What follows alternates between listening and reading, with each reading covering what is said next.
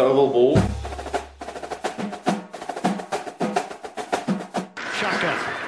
Murray out of the pocket. Seven seconds. Six seconds. Murray heaves it downfield. It is. Oh, it's caught. It is caught. DeAndre Hopkins. Miraculous. I play in the NFL. I think I play in the NFL. I think I play in the NFL. Hjertelig velkommen til denne sendinga av Oval ball. På menyen i dag så skal vi si litt om hva oval ball er, og hva vi vil med denne plattformen. Vi skal ta en liten recap av Superbowl, selv om vi er en eh, liten måned for seint ute. Vi skal gå gjennom en av våre faste spalter, som du vil høre mer om. Og ikke minst, vi skal ta en liten eh, diskusjon om eh, draften. Både hvem som går først, hvor det går, og hvilke tanker vi har rundt den som kommer nå fremover. Så det er bare å stå klar, la snappen gå, og vi kjører på.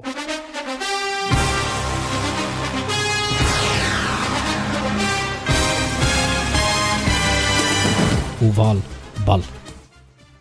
Ja, hjertelig velkommen, eh, gutta. Eh, Her sitter vi foran hver vår, eh, vår skjerm, klar for å kjøre eh, oval ball.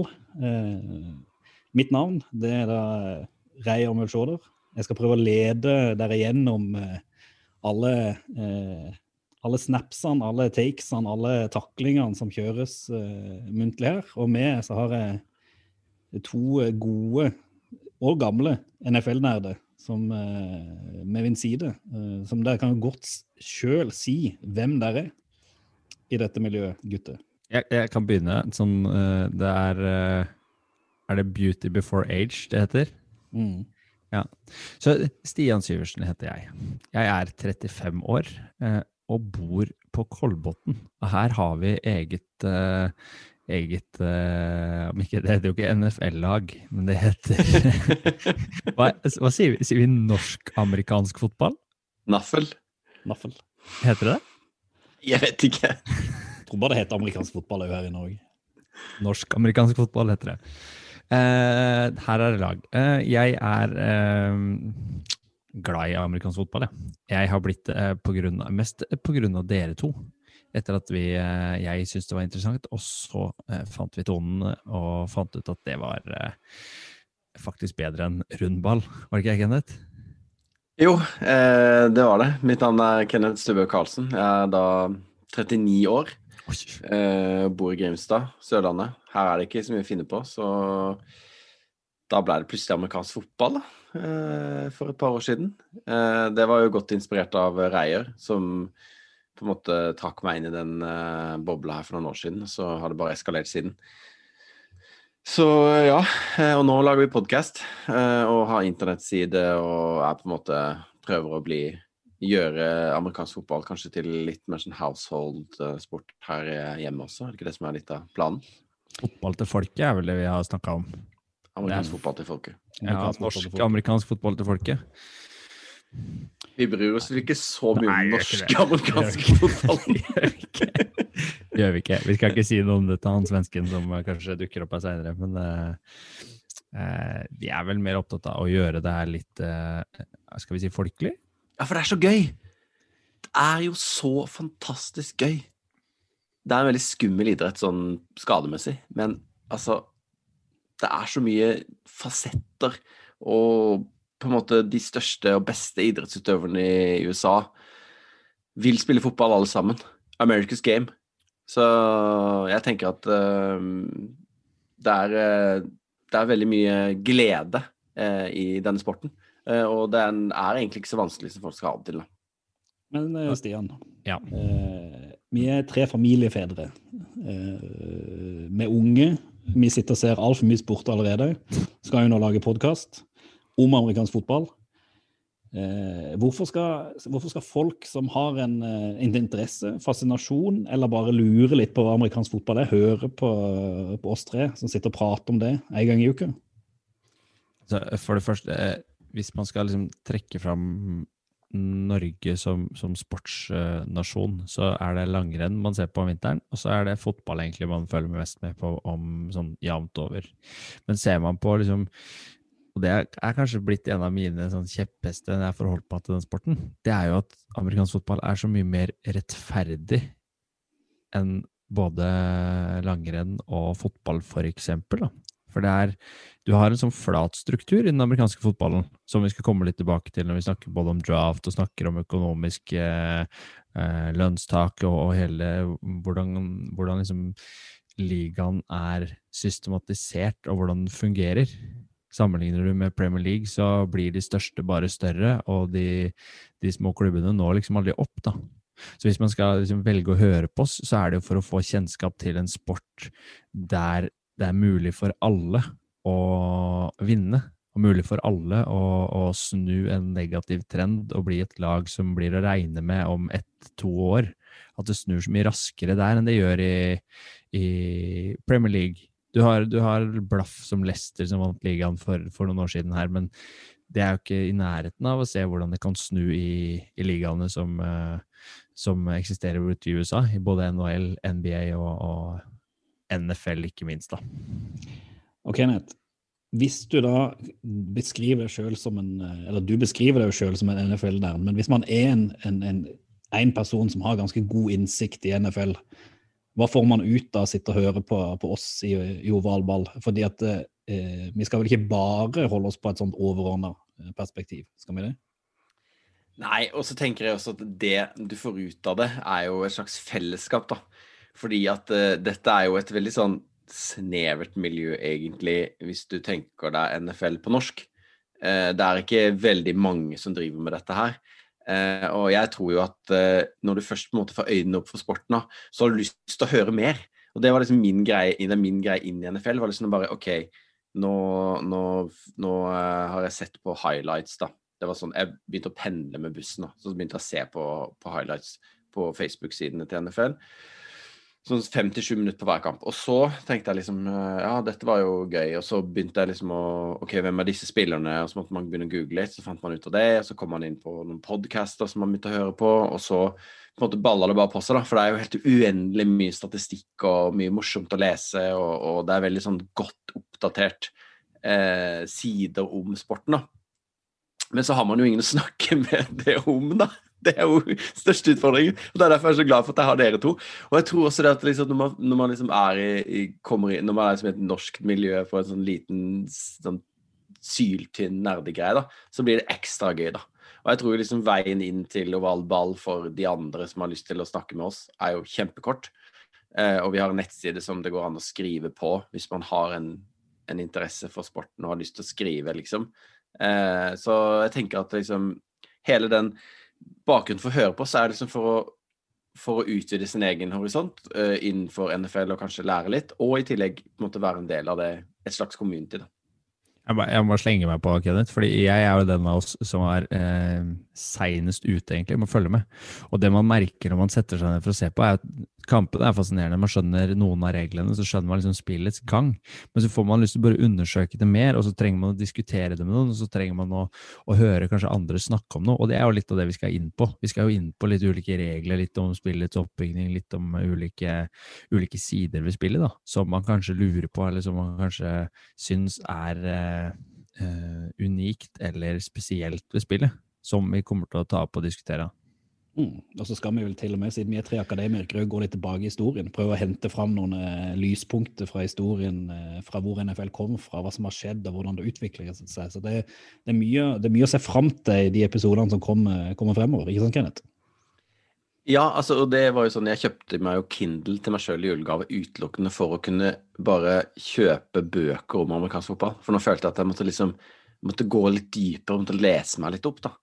Eh, og starta jo med Mursteinen America's Game, som er sånn 900 sider eller noe sånt, så den er helt spinnvill. Men det er jo hele historien, da. Så får man liksom se litt, da. Men, eh, men eh, ja. Du kommer til å referere til den her eh, innimellom. Kan, kan nok bli noen henvisninger til uh, America's Game. Men jeg tenker, jeg tenker vi, skal, vi, skal, starte så populistisk som vi kan. Jeg tenker vi skal starte med det, det, den ene tingen som gir oppslag i, i, i, landsdekkende medier, hvor det skrives i VG, hvor du har innslag på TV 2. Jeg tenkte eh, vi rett og slett skal starte med en eh, kort recap av Superbowl.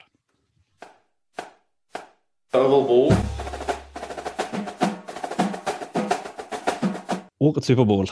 Tampa Bay Buccaneers, Kansas City Chiefs. Alle alle regnet nesten med, ikke alle, de aller fleste regnet med at Patrick Mahomes, den nye gullgutten, skulle ta gruse den gamle gullgutten Tom Brady. Men sånn ble det ikke. Uh, Brady selvfølgelig på toppen igjen. Vinner Superbowl med et nytt lag. Uh, jeg var overraska, men man kan jo liksom ikke bli overraska når det tross alt er Tom Brady. Uh, Kenneth, hvilke inntrykk sitter du igjen med etter at du satt oppe og døgna og måtte forsake familien for å se Superbowl? Ja, altså det var jo Kampen seg sjøl var jo ikke liksom så veldig bra, på en måte, da. Uh, men uh, det var jo Det er jo liksom noe Altså, det er jo noe helt vilt med å bare se Brady i aksjon på den måten. Men det var jo liksom først og fremst vil jeg jo si det var forsvaret til uh, Bucks som vant den kampen for dem. Da. Altså, de holdt jo Chiefs til uh, ni poeng. Og det var liksom altså Null touchdowns, liksom? Ja, og det er jo første gang Mahomes har tapt med double digits, tror jeg, i hele karrieren sin. Eh, og ja, de bare, de bare drepte angrepet deres. Eh, og, og, Brady gjorde jo mye rart eh, på en måte underveis òg, men, eh, men de, det var jo på en måte bare å, å måke det inn når de, hadde, når de hadde det forsvaret. Og så syns jeg liksom, det er litt liksom rart at Som jeg skrev til dere på forhånd, at, at ikke Chiefs klarer å stoppe New England, da. Det er jo det som jeg syns er så rart. At liksom det blir dobbel Gronk touchdown og en Antonio Brown touchdown, liksom. Altså, det er jo gammel oppskrift, på en måte. Det er utrolig rart. Men, eh, men så har jo eh, Brady masse offensive våpen i Godwin og Evans og og Leonard Fournette har jo vært kjempegod i sluttspillet, og så setter de på Ronald Jones i, i tredje-fjerde quarter, og da bare er det liksom ikke noe mer luft igjen i, i ballongen til eh, forsvaret til Chiefs, da. Men så nesten ut da man satt og så kampen der, så, så fikk Chiefs eh, egentlig ikke til noe av det de hadde planlagt på forhånd, mens du så eh, Bucks fikk, om ikke full uttelling på alt, så så de fikk eh, kampen inn i sitt spor fra start av, da. Mm. Og fikk de lange drivesa, de dro ut tiden, brukte klokka. Eh, Brady spiller jo supersmart egentlig gjennom hele matchen. Selv om han gjør noen sånne småfeil her og der, så, så ser du at han er eh, den mest rutinerte Superbowl-spilleren man har sett noensinne.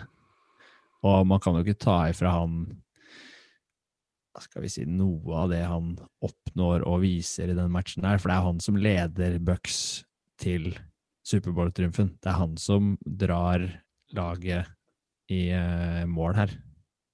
Ja, definitivt. Og så er det også litt men det, det, skjer så mye rart med, med Chiefs, blant annet alle de flagga, alle penaltiesa. De har jo liksom helt vanvittig mye penalties i første omgang. Og, og Tyron Matthew, som liksom er eh, den store stjerna i forsvaret, han var jo helt var jo så sint at han gikk jo opp i trynet på Brady, og det var jo en sånn konfrontasjonssituasjon på gang der, som jo var ganske funny, egentlig. Men, eh, men ja, nei, det var, litt, det var, bare litt rart å se. Eh, Chiefs i den forfatningen, på en måte.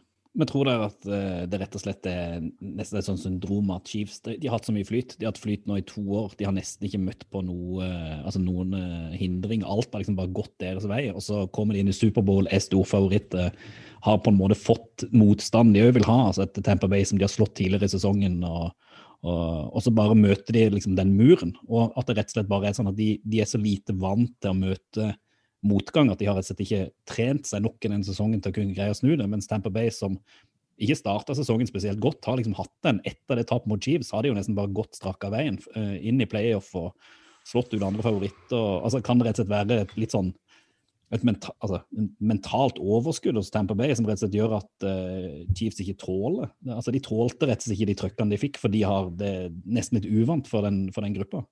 Ja, jeg, du er nok inne på noe når du snakker om det mentale overskuddet. da, For når man i forkant av Superbowl-matchen, så ble jo han sønnen til Andy Reed, som er treneren til eh, Chiefs, han ble jo eh, arrestert for eh, Han var vel innblanda i en ut, ganske sånn stygg trafikkulykke med en ung jente på, på fem år, og det førte jo til oppstuss. Var jeg, lurt, jeg fikk ikke med meg alle detaljene i saken her, da, men, men han var, Han var jo også O-line coach, eller Ja, sånt. Jobba så han var jo involvert i laget. Mm. Og det gir jo også en ganske sånn Selv om Andy Reed er en etablert trener og har oppnådd mye og, og kan gamet, så er nok det sånne ting som kan sette en litt mentalt ut. da. Og man så jo på Det var vel før den andre touchdown til Gronk, eksempel, så tar han en timeout i en ganske sånn upassende situasjon, da. Det er vel i rett før Er det rett før andre kvarter er ferdig, og, og bøksa ballen på halvveis inn på Chiefs eh, halvdel, og det er ikke så lenge igjen på klokka heller, så han tar liksom en, han tar noen avgjørelser da, som ikke helt ligner eh, Andy Reed. Og i tillegg så, så, så ser du det slår ut litt sånn feil på Litt sånn feil på resten av laget også, at de blir sånn stressa, oppjaga, eh, litt sånn overivrig på å kanskje vise seg, og nettopp derfor tar de sånne eh, unødvendige straffer og, og flagg. Da. Og, og det må- bare skyte inn en ting til, da. og det gjelder jo eh, det gjelder jo egentlig eh, at eh, grunnen til at Mahomes kanskje ikke får til like mye, eller man ikke ser liksom like mye ut av det offensive Chiefs-laget, er jo De mangla jo Eric Fisher, som er left tackle og kanskje den viktigste brikken i det offensive linja til, eh, til Chiefs, da, som har stått hele sesongen, og som bidrar med å gi Mahomes den den tiden han trenger for å prikke fastingen sine. Han var jo ikke med, og du så jo hvor lett det var for eh, forsvaret til Bucks å bare skjære igjennom og, og nesten hive Mahomes i bakken hver eneste gang han uh, nøla et sekund, eller at ikke løpet var riktig foran. Da.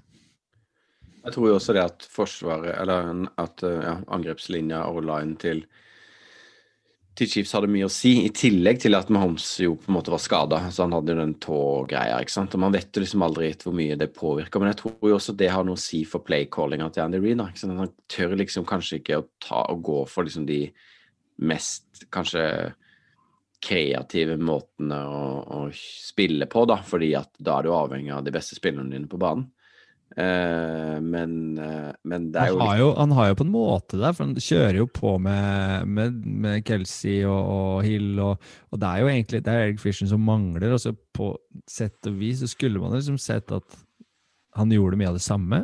Jo, men de flytta jo De måtte jo De bytta jo right tackle over til left tackle og Garden ut på right. Ikke sant? Så det er ikke bare den ene som mangler. Ikke sant? De, skyver jo, de får jo forskyving på hele linja. Pluss at, eh, at det med at var skada Du vet jo liksom ikke hvor mobil han egentlig var. Eh, og de løper nesten ingenting heller. Det var også veldig rart å se på at liksom, de klarte ikke å løpe noe. Men det er jo også liksom Også når du tenker på hvor dårlig det gikk, så liksom hvor jævlig nærme det var å ha altså, de to incomplete passa til Mahomes som på en måte han, Den ene hvor han ligger i vater i lufta og faktisk treffer Hill eller hvem det er, i hjelmen. Mens det er midt i hjelmen, det. At han ikke klarer å ta imot den, det er, en, det er vel en, en touchdown-pasning. Og så det er en til rett før, som er nesten helt Samme kaliber. ja. Eh, og de skal jo egentlig ikke kunne gå an. Og i tillegg så går de på en måte egentlig frem, men de kukker opp mottaket, liksom. Det er jo bare du, du må jo se på, Hvis du ser på matchen sånn under ett, altså, ser du, det er jo ikke med Holmes som underpresterer. Mm. Han bærer jo det laget liksom, og sørger jo for at det er liv i matchen ganske lenge. da. Og selv på helt på slutten, kampen er avgjort, så tar han jo smeller, og han står opp og viser seg jo som en ganske sånn tøff han er, Du kunne sett på han kanskje som en luksusspiller i forkant av den matchen, her da. Sånn, og de betingelsene han kanskje har fått for å spille quarterback på det mest og beste offensive laget som har vært i NFL de siste to åra. Men øh, sånn som han har stått da og viste seg fram egentlig på slutten, hvor han tar smeller og, og virkelig liksom står fram som en leder i det laget der, da, så syns jeg nesten han, han, øh, han vokser enda mer i mine øyne. da. Se, ser dere, Det har jo vært en litt sånn tendens av og til at det tapende Superbowls-finalist eh, de siste årene har bare gått og rada med hjem. altså Vi hadde med Panthers for noen år siden, vi hadde med Falcons. Hvordan ser dere eh, både Tampa og Chiefs nå, nå neste sesong, eh, før vi går inn og prater om draftene som vi gjør etterpå? Tror dere, Tror dere vi vil se de der oppe òg neste sesong, eller tror du noen av de nå bare tar eh, rennafart og forsvinner ut av, av playoffen, som har vært eh, dessverre en tradisjon for noen av disse tapende finalistene tidligere? Kenneth? Så jeg, jeg tror nå, nå snakker jo Tampa om å resigne Brady, eh, og det tror jeg er først og fremst en sånn cap-issue, da, en lønnstak-greie. At hvis de restrukturerer kontrakten hans, så får de liksom lavere sum kommende år. Kan da nødvendigvis kanskje beholde litt flere av spillerne, da. Eh, og jeg tror ikke noen av disse lagene kommer til å forsvinne, hvis ikke på en måte Brady eller Mahomes blir skada, da. Eh, da er det jo da Altså Blaine Gabbert og han eh, andre på han eh, Og hva heter han på Chiefs? Han eh, reserve-quarterbacken der. Chad Henny. Ja. Altså Blaine Gabbert og Chad Henny de kommer ikke til å lede noen av disse lagene til uh, sluttspill. Men eh, jeg tror vi får se begge to i, eh, i playoff neste år. Eh, og Nå snakker de om 17 kamper, og det er jo et ekstra lag osv. Det tror jeg er enda vanskeligere for de å falle ut. Eh, og jeg tror jo også vi hadde sett 49ers i playoff i år hvis ikke de hadde hatt alle ute med skade, på en måte. Ehm, men og, men og um, Chiefs er jo liksom rigga litt for De har vel ikke noen sånne som noen av de store gutta som ryker ut i free agency eller sånn i år heller. Uh, på, uh, på Tampa så er det Chris Godwin som eh, er free agent, som er den største stjerna, tror jeg. Og så er det vel senteren til Chiefs, muligens. Sånn at de skal ha gode muligheter for, for å være med videre. Tror jeg. Ja, jeg, jeg stiller meg bak den. jeg.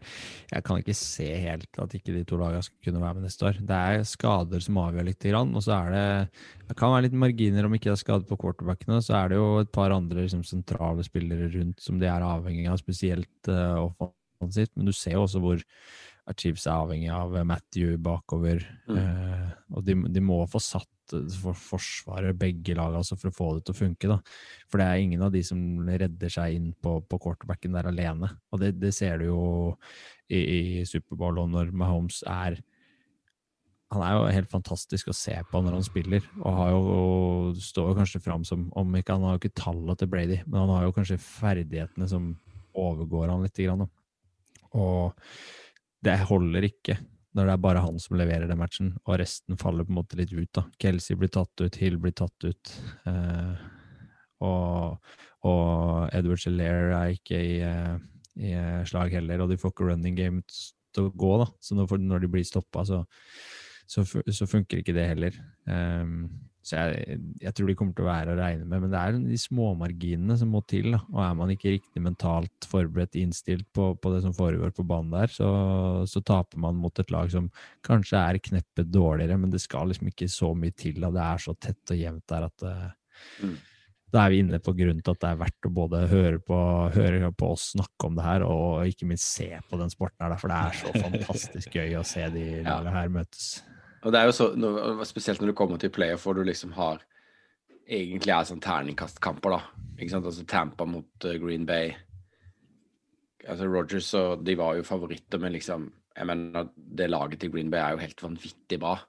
Eh, og så liksom Når du kommer inn i playoff der med altså Seattle og Altså, det er så mye bra lag, da, som kan Du, vinne. du kan jo kaste terning, som du sier. Ja. Du, du, kampen, hvor bra du har gjort det i, i eh, regular season, har ingenting å si når du kommer inn i playoff og ingen av lagene har noen ting å Eller mange av lagene har ingenting å tape da, på å, å spille på en litt annen måte enn de kanskje har gjort tidligere.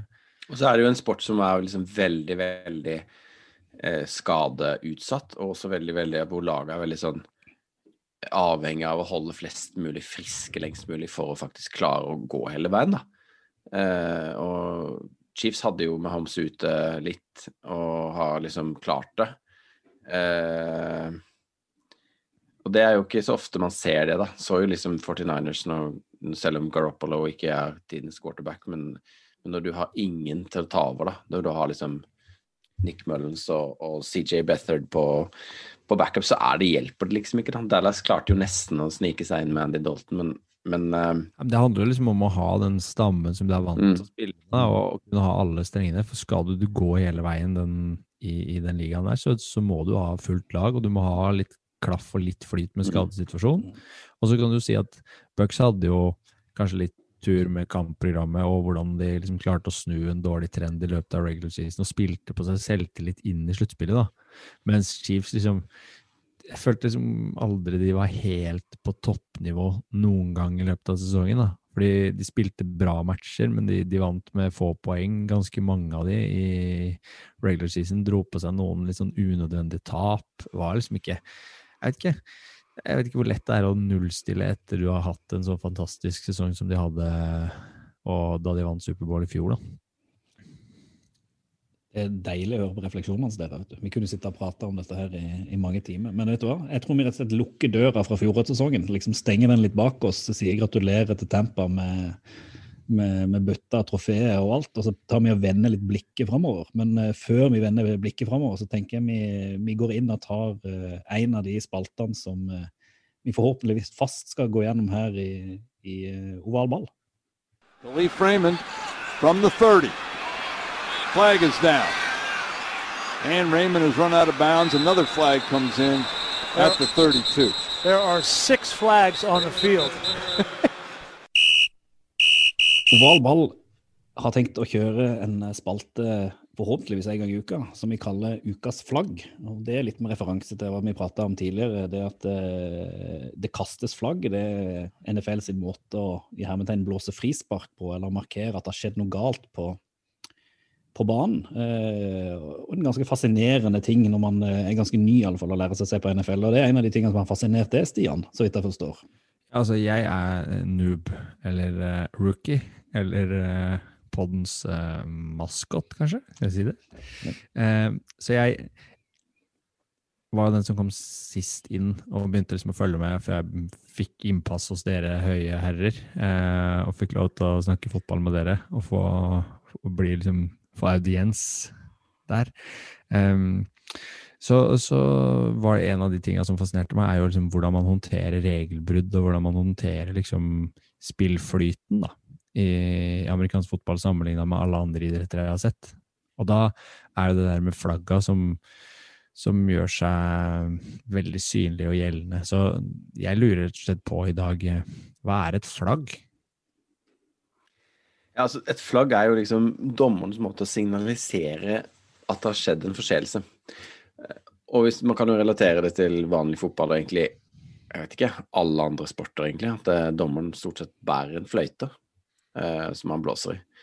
Eh, jeg har liksom ikke noe sånn bakgrunn for hvorfor ikke det nødvendigvis funker i NFL, for det hadde jo sikkert funka. Poenget er jo at de liker å kjøre spillene gjennom, stort sett. Ehm, og da markerer dommerne at det har skjedd en uh, forseelse med å kaste flagg. Og det er jo seks, jeg tror det er seks dommere i, i kampen som står på Du har down judge og umpire og hoveddommer, line judge osv. De står jo rundt omkring. Passer på ulike sonene på banen. Uh, og alle har anledning til å hive et uh, flagg hvis de oppdager noe som har skjedd. Og til å være en sport med mye kontakt, så er det jo overraskende faktisk for meg egentlig, når jeg ser den, hvor mye de faktisk oppdager da, av det som skjer. Eh, og når de da oppdager at det har skjedd en forseelse, så hiver de et gult flagg som de hiver høyt opp. Eh, sikkert fordi at folk skal kunne se det i lufta. Og så lander det, og så kjører de spillet gjennom, stort sett. Og så sier man tilbake at det var en eller annen forseelse på enten offensiv eller defensiv. Eh, og hvis det er da eh, forsvarende lag som eh, gjør feil, så pleier eh, angripende lag å si at det, det er greit, vi, vi kom oss ti yards, så vi driter i den feilen, vi bare spiller videre. Og hvis det er eh, angripende lag sin feil, så må de begynne på nytt med da straffe yards. Sånn at de må begynne kanskje fem yards eller ti yards eller 15 yards lenger bak enn de måtte. Uh, ja. Men, men er, det, er det mer rettferdig reier enn Ja, ja, ja. ja, ja, ja. Altså, du, altså, man, man skal jo ikke alltid sammenligne med fotball, men for eksempel, du er i fotball hvor du har av og til disse her frisparkene som disse, de sparker ned en person for å bare liksom, passe på at han ikke kommer gjennom, eller for å liksom, stoppe, stoppe spillet og, og ta et professional foul. Ja, det har jeg sett. Ikke sant? Det som er så, jeg synes er så fint med NFL, det er jo det, for det første er jo det at hvis du, liksom, du, har et, du lager et fantastisk playcall, og du liksom får det til, men så er det den ene i offensive linja som ikke greier å holde seg på matta, kanskje langt borte fra der spillet går, drar tak i, i drakta eller holder eh, motstanderen, så kommer det et flagg, og så er liksom alle sykt fornøyd med at det spillet er godt, og så blir det bare likevel dratt tilbake fordi at den ene personen på laget ikke greier å holde seg innenfor regelverket. på andre sida hvis du har et offensiv som, som, eh, som gjør en bra playcall, og så har du en defensiv som har lyst til å sabotere det og prøver liksom å ødelegge det, og så gjør de det, men allikevel så greier de å få spillet til å gå, så får du både liksom, den yardsen du oppnår, i tillegg til en tilleggsbelønning, eh, egentlig, fordi at det eh, forsvarende laget ikke greier å holde seg på matta. Så du, liksom, du, du, For det første så definerer det jo virkelig som et lagspill at alle, alle på laget eh, betyr noe. Alle må holde seg innenfor regelverket, ellers så blir du straffa. Og så blir du jo så ekstremt outa hvis du blir straffa. For det er jo ikke bare sånn at du, eh, de sier at her er det gjort noe feil. Dommeren har mikk, så han går fram og så sier han nummeret på den spilleren som har bestått, be, begått feilen.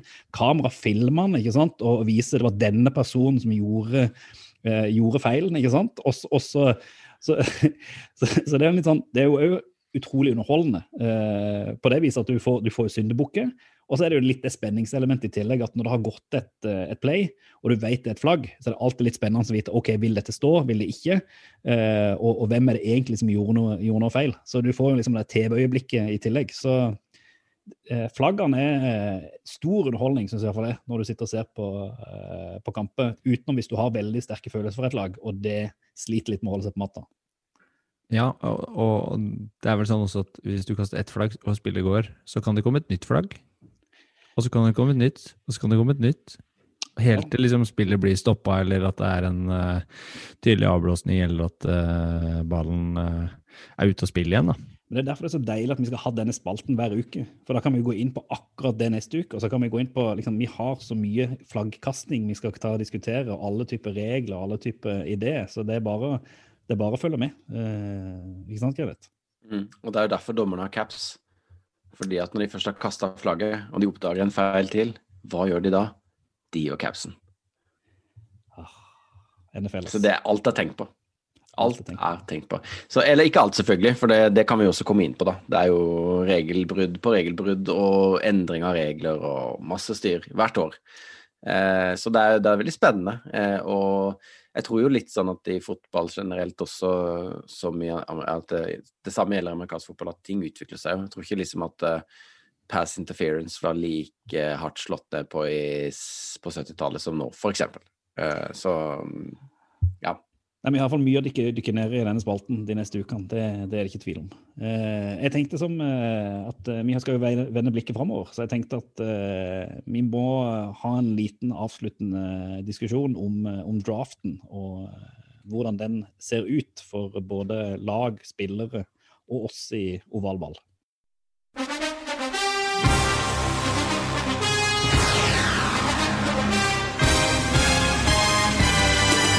Oval ball. Når jeg sier draft, Kenneth, da vet jeg at det, det hårene reiser seg på kroppen din. og får, det, det, det, er liksom, det, er kanskje bare kone og barn som får det til å gjøre deg mer excited. Ja. Uh, hva er det med draften? Hva, hva, er greia? Hva er liksom, Hvorfor? Altså, Draft er jo bare helt fantastisk. Det er jo noe av det liksom, altså, Sport i USA er jo det mest sosialdemokratiske de har. Uh, sånn at når du Hvis du er det dårligste laget året før, så får du liksom plukke den potensielt beste spilleren året etterpå. Og i amerikanske idretter, kanskje ikke så mye i NFL som i de andre, så, så betyr enkeltspillerne veldig, veldig mye. Og det gjør jo det i NFL òg. Altså én god spiller kan være med å snu et helt lag, kan snu en hel trend, som Stian sa i stad. Liksom. Kan liksom om et par år så kan de være det beste laget for å være det dårligste. Og hvert år så kjøres det liksom worst to first spalter i de ulike mediene, liksom. Hvem har størst sjanse for å gå fra worst til first og sånn. Med et par nye draft picks, da. Og det er, eh, det er, ekstremt spennende. Det er jo liksom de beste college-spillerne eh, fra året som har erklært seg sjøl eh, klare for NFL, som kan velges hvert år i april. Vanligvis så møtes jo de 300 beste på NFL Combine, som var forrige helg, egentlig. Det vil si, da møtes de og tester eh, måler da høyde, vekt, 40 meter, eh, forskjellige typer driller de gjør og sånn, da, som er veldig viktig for draften. da. Um, men eh, draft for meg er jo liksom, eh, har jo vært en måte en slags inngang til sport nå. På en måte Bli kjent med spillerne, og se på videoer, se på highlight reels fra college. og sånn, ikke sant? Du kan, du kan grave deg så ned i sånn dype mørke hull som det er helt Ja, det, det er nesten du ikke skjønner det. Jeg var på guttetur i når eh, Baker Mayfield gikk som nummer én til Cleveland. Og da var det jo bare reier i verden. Jeg kunne snakke med dette om alle de andre hadde lagt seg. Jeg lå på natta og så draften på mobilen og sendte melding til Reier. Nå går Baker som nummer én, liksom. Det er helt sjukt. Uh, ja. Og i fjor så lada jeg opp med Draft Day, den uh, fantastiske filmen med Kevin Costner i hovedrollen. Uh, sov en time, sto opp igjen, uh, jekka meg en pils og så de første 20 pixelene på natta der, og så måtte jeg kaste håndkleet. Men det var Altså, det er det er en fantastisk torsdag, den første runden. Så da regner jeg med at Val Ball sitter oppe, for å si det sånn. Jeg har, liksom, jeg har aldri helt greid å få, taket på det. Jeg husker, jeg følte Det var første gang jeg virkelig følte at du, du, hadde, liksom, hadde mista det da jeg våkna opp dagen etterpå. Det bare hadde, Hele liksom, telefonen var fylt av meldinger om Baker Mayfield. Men Stian, du som, du som sier at du liksom er rookien, du har jo på en måte falt ned i den gryta sammen med Kenneth, du òg? Jeg har ikke vært like Obelix som, uh, som Kenneth, kanskje, men, men jeg syns jo det er fascinerende når du ser hvilke talenter som kan komme opp, da, og hvor stor kanskje den idretten der er. Eh, og det ser du jo først når du, når du, ser hvor stor draften er, da, og hvor store tilskudd det er av nye spillere som er liksom supertalenter og super eh, eh nesten, fra de går fra college, og den, den heltestatusen de har der, da, som de nesten tar med seg over til, eh, over til NFL-spill. Og det er, det er, en helt sånn fascinerende måte å løse egentlig, hva skal vi si, den overgangspolitikken eh, på, da. Som er helt annerledes enn det vi er vant til fra, fra transfers i, og overganger i engelsk fotball, norsk fotball, og som man kjøper ut og sånn. Så gjør man jo delvis det her, men man bytter det jo, og kan ordne seg liksom rekkefølge, ordne på rekkefølga i, i, draften, så han får mulighet til å velge bedre spillere. Og, og det er en helt annen politikk da, bak. Og det syns jeg er fascinerende. Ikke at jeg har skjønt det totalt, men at det å følge med på det og så gjør det spennende. Og du, du plukker opp nye navn og spillere som du da ser igjen da sesongen etter. da. Som, det, er så mye, det er så mye dynamikk i det. Altså det, som du sier, Stian, at du kan liksom eh, si i år som et eksempel, da, så har jo DeShaun Watson nå bare gått helt i clinch i Houston. da. Han er jo en av de beste quarterbacksene i ligaen. og Der snakker de om liksom, okay, hvor mange førsterundevalg i fremtiden trenger man for å få han fra, fra um, Houston. Og det er jo liksom sånn eh, Type Seattle vil aldri kunne hente han, fordi de er så gode at deres førsterundevalg er liksom nede på 22-23. Men sånn Jets, som har nummer to pick nå i år, de kan jo liksom i teorien gi det og neste år og neste år og neste år.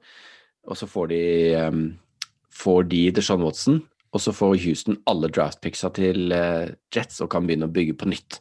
Så det, det, det, er liksom bare Alt kan endre seg på, på veldig kort tid. da. Du kan liksom få liksom, det forflytt spillerne. For oss spillerne har jo egentlig veldig veldig liten makt i dette i, i denne sporten. Mer, eh, mye, mye mindre makt i denne sporten enn i, i um, vanlig fotball. Det er jo på en måte særlig synd, men, men, um, men de har mye litt sånn mer vanskelig å forholde seg til, syns jeg. da. Mm. For vanlig er man jo har man jo forholdt seg til de spillerne som, som, velger litt selv hvor de vil spille, hvor de får best lønn, hvor de får det her. Men her virker det som at ok, får de muligheten til å spille for en hvilken som helst NFL-klubb, da, mm. så gjør de det, og så godtar de på en måte spillereglene som ligger der. Hvis vi går inn på det som er kanskje førsterundevalget i år, da, som har vært det uttalte førstevalget der, så. For det, for det, lurer jeg på, liksom, Hvis du ser på årets draft eh, for det, er det, jo, det, liksom, det, har, det har vært mye prata, om det, og årets eh, liksom store eh, quarterback, eh, potensiell første, første pick. Så det, kunne, kan jeg ikke liksom oss litt igjennom hvem, hvem, er på toppen av lista av spillerne som man tror går først, og hvilke klubber er det som ser, ligger an til å forvente dem? Du var jo inne på det, Stian. Ja, altså, det er jo én som har skilt seg ut egentlig fra man begynte å snakke draft og snakke, snakke eh, hvem som skal hentes i den draften som kommer nå, da. Og da er det jo det dårligste laget i inneværende sesong som får velge først. Og det er jo eh, Jacksonville, som eh, hadde en uh, rå record på 1.15. Uh, Vant første kampen. Ja, og så gikk det rake veien. Eh, som jo får velge først, da. Og så er jo ikke Jets langt bak, for de vant jo bare én kamp mer. Eh, trenger ikke å gå inn på at det var litt merkelig håndtering av, av kanskje Jesse-ledelsen, hvordan, hvordan, det gikk, men, men, det gjør jo at de får velge først. Og nå er det en quarterback som, som ja, Sier de ikke at det er en sånn generasjonstalent, Kenneth? Jo, de sier at um, Sånn som jeg har forstått det, så er han den beste prospecten som har kommet opp i draften siden Andrew Luck. Og Luck var vel Lawrence, sånn Ja, vi snakker om uh, Trevor Lawrence uh, fra Clemson. Um, han tok jo for så vidt opp arven etter DeShaun Watson. Da. Det var én sånn døv type imellom der, men, uh, men Clemson har jo tradisjonelt sett hatt ganske mye bra quarterbacks.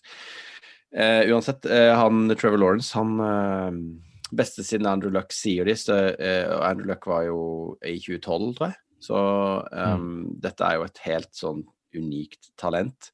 Uh, men jeg vet ikke, altså, når du ser hvordan Justin Herbert og, og um, Burrow spilte i fjor, så, så, skal han jo på en måte han skal prestere for å liksom nå opp til de tallene som de leverte. Men, uh, men både alle, alle mock-draftene jeg ser, alle på en måte Danny Jeremiah fra NFL og NFL.com og de gutta i Athletic som vi leser, og ja, egentlig alle de mock-draftene man ser, så er det Trevor Lawrence nummer én, udiskutabelt. Og det er litt vittig når du ser, som jeg sa i stad, Combine ble jo ikke noe av, så um, da er jo i tillegg til det så har jo de fleste universitetene noe som heter Pro Days hvor da scouts og eventuelt trenere som kan reise ned til skolen og så se spillerne kaste, løpe, hoppe og måle de. Eh, det med mål er jo altså sånn De har uoffisielle høydemål og sånn, og det går rykter om at sånn Devontae Smith, han som vant Heisman, som er prisen for beste college-spiller, han er jo wide receiver på Alabama, at han ville ikke bli målt på høyden. Han ville ikke bli veid. Eh, så de som på en måte skal plukke han, må ta han på for det han er, da. Og Det er jo litt sånn spennende, men uansett, eh, da ser du på pro-dayen til Trevor Lawrence, så er det jo treneren til eh, Clemson som surrer rundt eh, på banen der. Og så er det en, en, til, det er jo Urban Meyer, nye treneren til Jacksonville. som faktisk er på banen mens Trevor Lawrence kaster. Jeg tenkte tenkt sånn at, å kommentere det. Jeg så det, så det på Instagram. altså Hvis ikke de tar Trevor Lawrence, så, så det, ja, det skjer ikke. De gjør det. Uh, og han er en, en decent franchise quarterback neste ja, Med et uh, veldig sånn ikonisk utseende også. Ja, han ser skikkelig heftig ut. Så det er bare å anbefale folk å både google og lese opp om uh, Trevor Lawrence, for han kommer til å på en eller annen måte skape overskrifter i sesongen som kommer. da. Men, men, så går jo ryktene, da eh, For det, alle er vel ikke enige om at Jackson vil ta Lawrence. Eh, mm. Men så er det jo Jets, som har en, egentlig en quarterback som de fikk ganske høyt i draften for et par år siden, eh, Sam Darnold. Og så er man litt usikre på om de vil satse på han eller ikke. Eh, dere som er, har hodet dypt inne i NFL-ryktemølla, hva, hva, tror dere Jets kommer til å gjøre med sitt pick? Jeg har jo fulgt uh, Darnold egentlig lenge, fordi han var jo den som på en måte var Du har hatt eh, man-crush du på Darnold? Nei, ikke egentlig, men eh, fordi at han prospecta jo egentlig bedre enn Baker Mayfield i den draften. Sånn at eh, de fleste hadde jo Darnold som nummer én, og Cleveland skulle ta han, og så skulle på en måte uh, Mayfield droppe, selv om Mayfield vant Heisman det året. Uh, så, så, Darnold falt jo på en måte egentlig til Jets på tredje valg eller noe sånt, fordi Giants tok Saquon Barkley. Uh, og så um, så har han jo ikke levert, men han har jo hatt et helt hulestes regime der i Jetstar med Adam Gaze, og det har jo ikke funka i det hele tatt. Så det er jo liksom den eh, Det er jo kanskje den, eh, det pikket som er mest liksom, spenning knytta rundt, og 'this is where the draft starts', som Jeremiah sa her en dag. At det liksom Hva de gjør, kommer for store konsekvenser for det som skjer videre. Og ikke minst tror... så er det ingen som vet helt hvordan ledelsen i Jets planlegger og tenker rundt det her. da, Fordi de driver og scouter og skriver rapporter på alle mulige quarterbacks som er mulig mm. å, å, å, hoste opp i den draften som er her. da. Alle som er nevnt der av Zack Wilson, Justin Fields, Trey Lance, Mac Wilson Nei, Mac Jones er jo til og med nevnt i, i uh, sammenheng med Jets, han også. Så, så man mm. har flere quarterbacks som nevnes, og det lukter jo ja, så det valg. Ja, jeg tror, jeg tror de tar QB, og jeg tror de tar um, Altså, alle sier jo Alle de moksene som man leser, sier på en måte Zack Wilson, da. Men uh, jeg har egentlig litt tro på at hvis de tar en QB, så tar de Justin Fields, fordi han Ja, jeg vet ikke. Jeg bare føler han har mye mer sånn oppside, da. Han, har, han er liksom eh, mye mer atletisk. Mm. Men det som er spennende her, er jo at uh, hovedtreneren er jo Robert Sala, som var defensive coordinator i, i 49ers. Og det går jo masse rykter om at liksom um, eh, Og han tok med seg lillebroren til eh, Matt LaFleur, Mike LaFleur, eh, som offensive coordinator, og et par andre, par andre fra staffen til Shanahan da, i, i 49ers. Og det er jo rykter om at liksom, uh, Shanahan liksom har sett for seg at Darnold kunne være, liksom, funke der. Og hvis liksom, de tenker at Darnold kan funke i et Shanahan-system, så kan det jo hende at uh, Jets faktisk beholder han, fordi de kommer jo til å spille et Shanahan-system, altså et løp run heavy, mye, mye løping og, og mye uh, pass run option og, og mye lurespill, da, som gjør at quarterbackene på en måte får lov å hive litt mer fritt når de først hiver. Eh, så det er jo det spenningen er knytta til. Jeg tror egentlig ikke det hadde vært noe spenning her hvis ikke det hadde vært for det. Fordi Darnold har ikke levert. Nei, for det handler jo mer om, om, om hva gjør Jets med det valget. Velger de å trade bort og stå med Darnold, eller Mm. velger de å gå for en ny quarterback og, og um, gå en annen retning enn de har vært på vei nå, da? Ja, så er det mange ting som spiller i nå. Det er jo litt sånn der, ok, de, kan, de kunne jo tenke seg at det gikk for Darnold ett år til, og så, og så trader de vekk. Men da vil de aldri plukke på nummer to.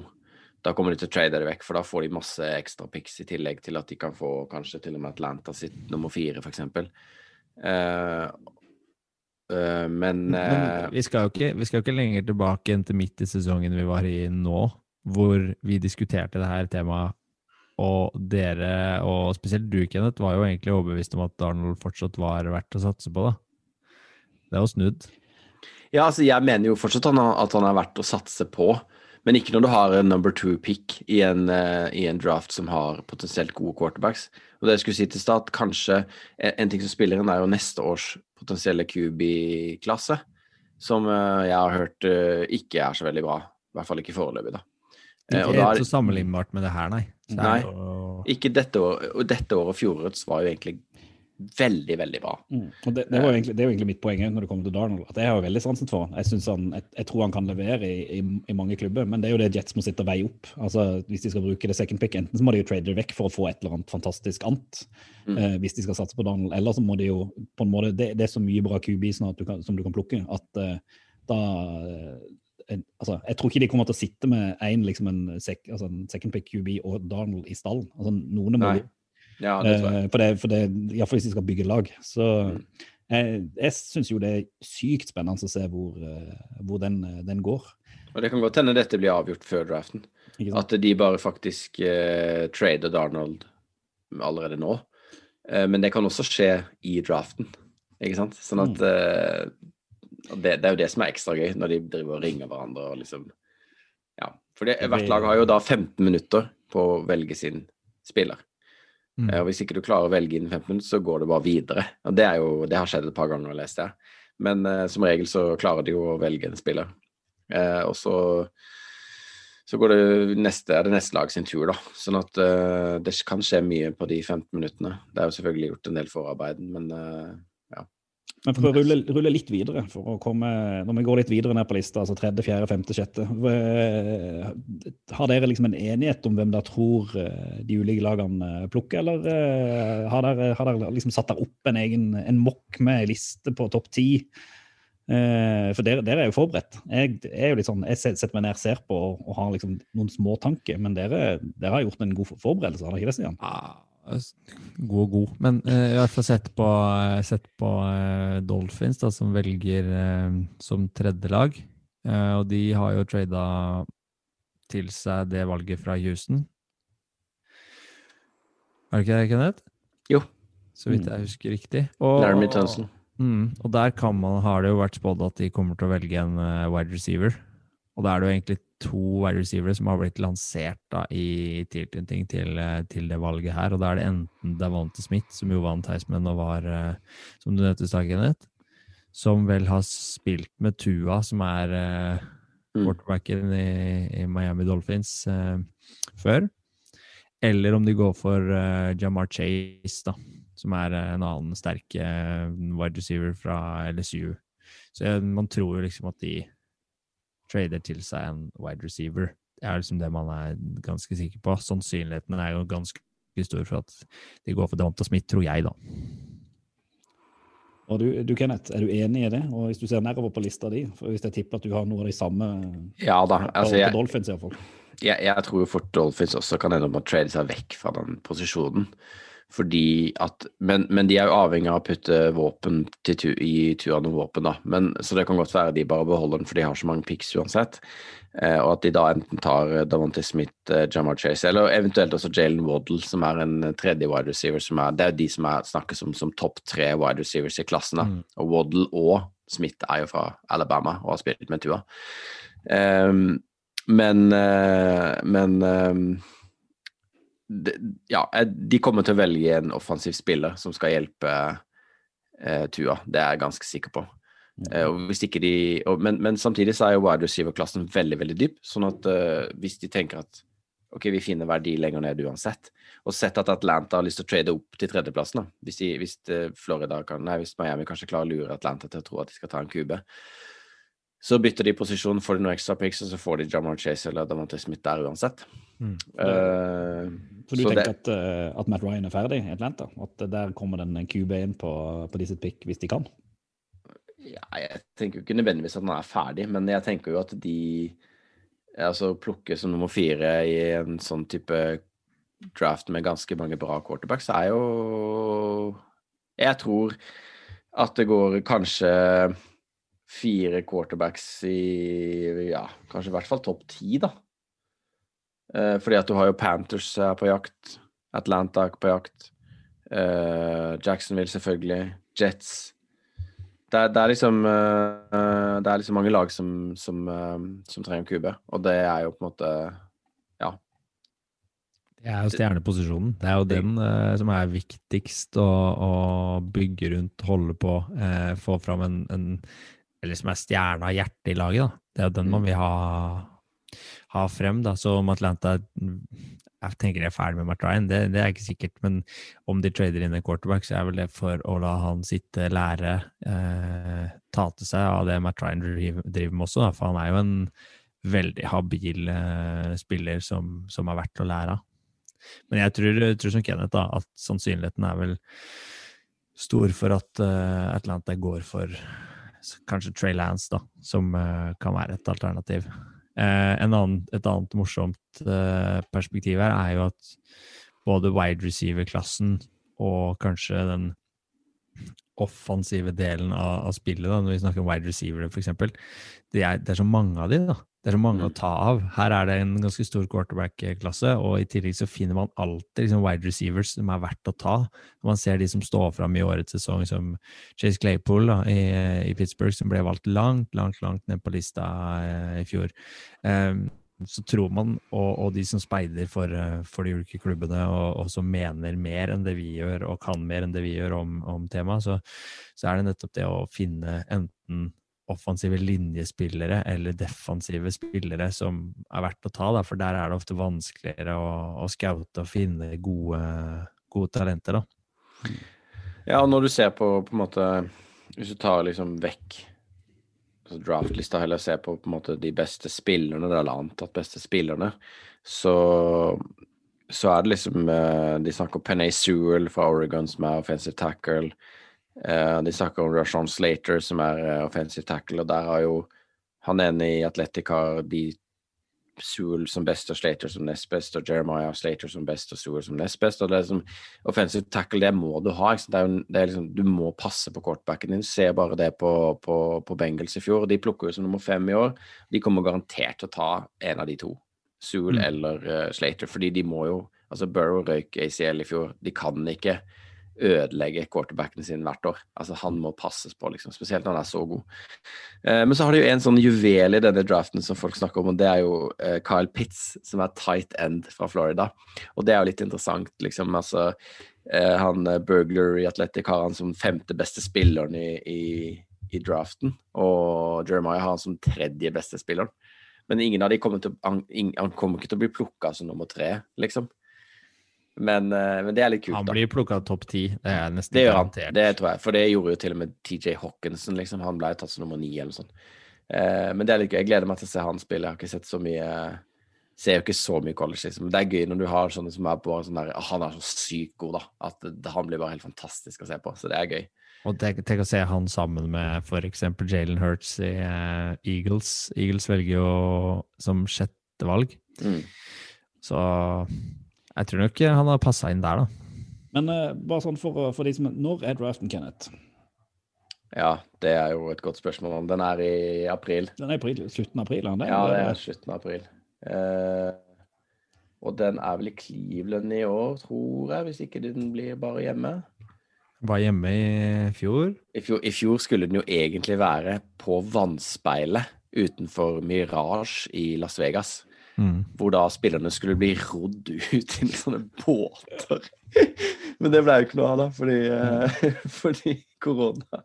Ni- 29. april tror jeg husker at han skal være i Cleveland. At uh, Ja. da, da, da skjer det. Det jeg, mm, Og nå tipper jeg jo nesten sånn som Nå har jo Texas åpna opp der borte, så de er jo gale nok til å kjøre gjennom dette her med spillere på plass. Men uh, i fjor så satt jo alle hjemme i stua si, og Roger Godell, commissioner, satt hjemme i kjelerstua sjøl, og det var egentlig ganske artig seanse. Joe Burrow på hjemmebane med liksom den slitte skinnsofaen til foreldrene, og det var egentlig Det var ganske funny, altså.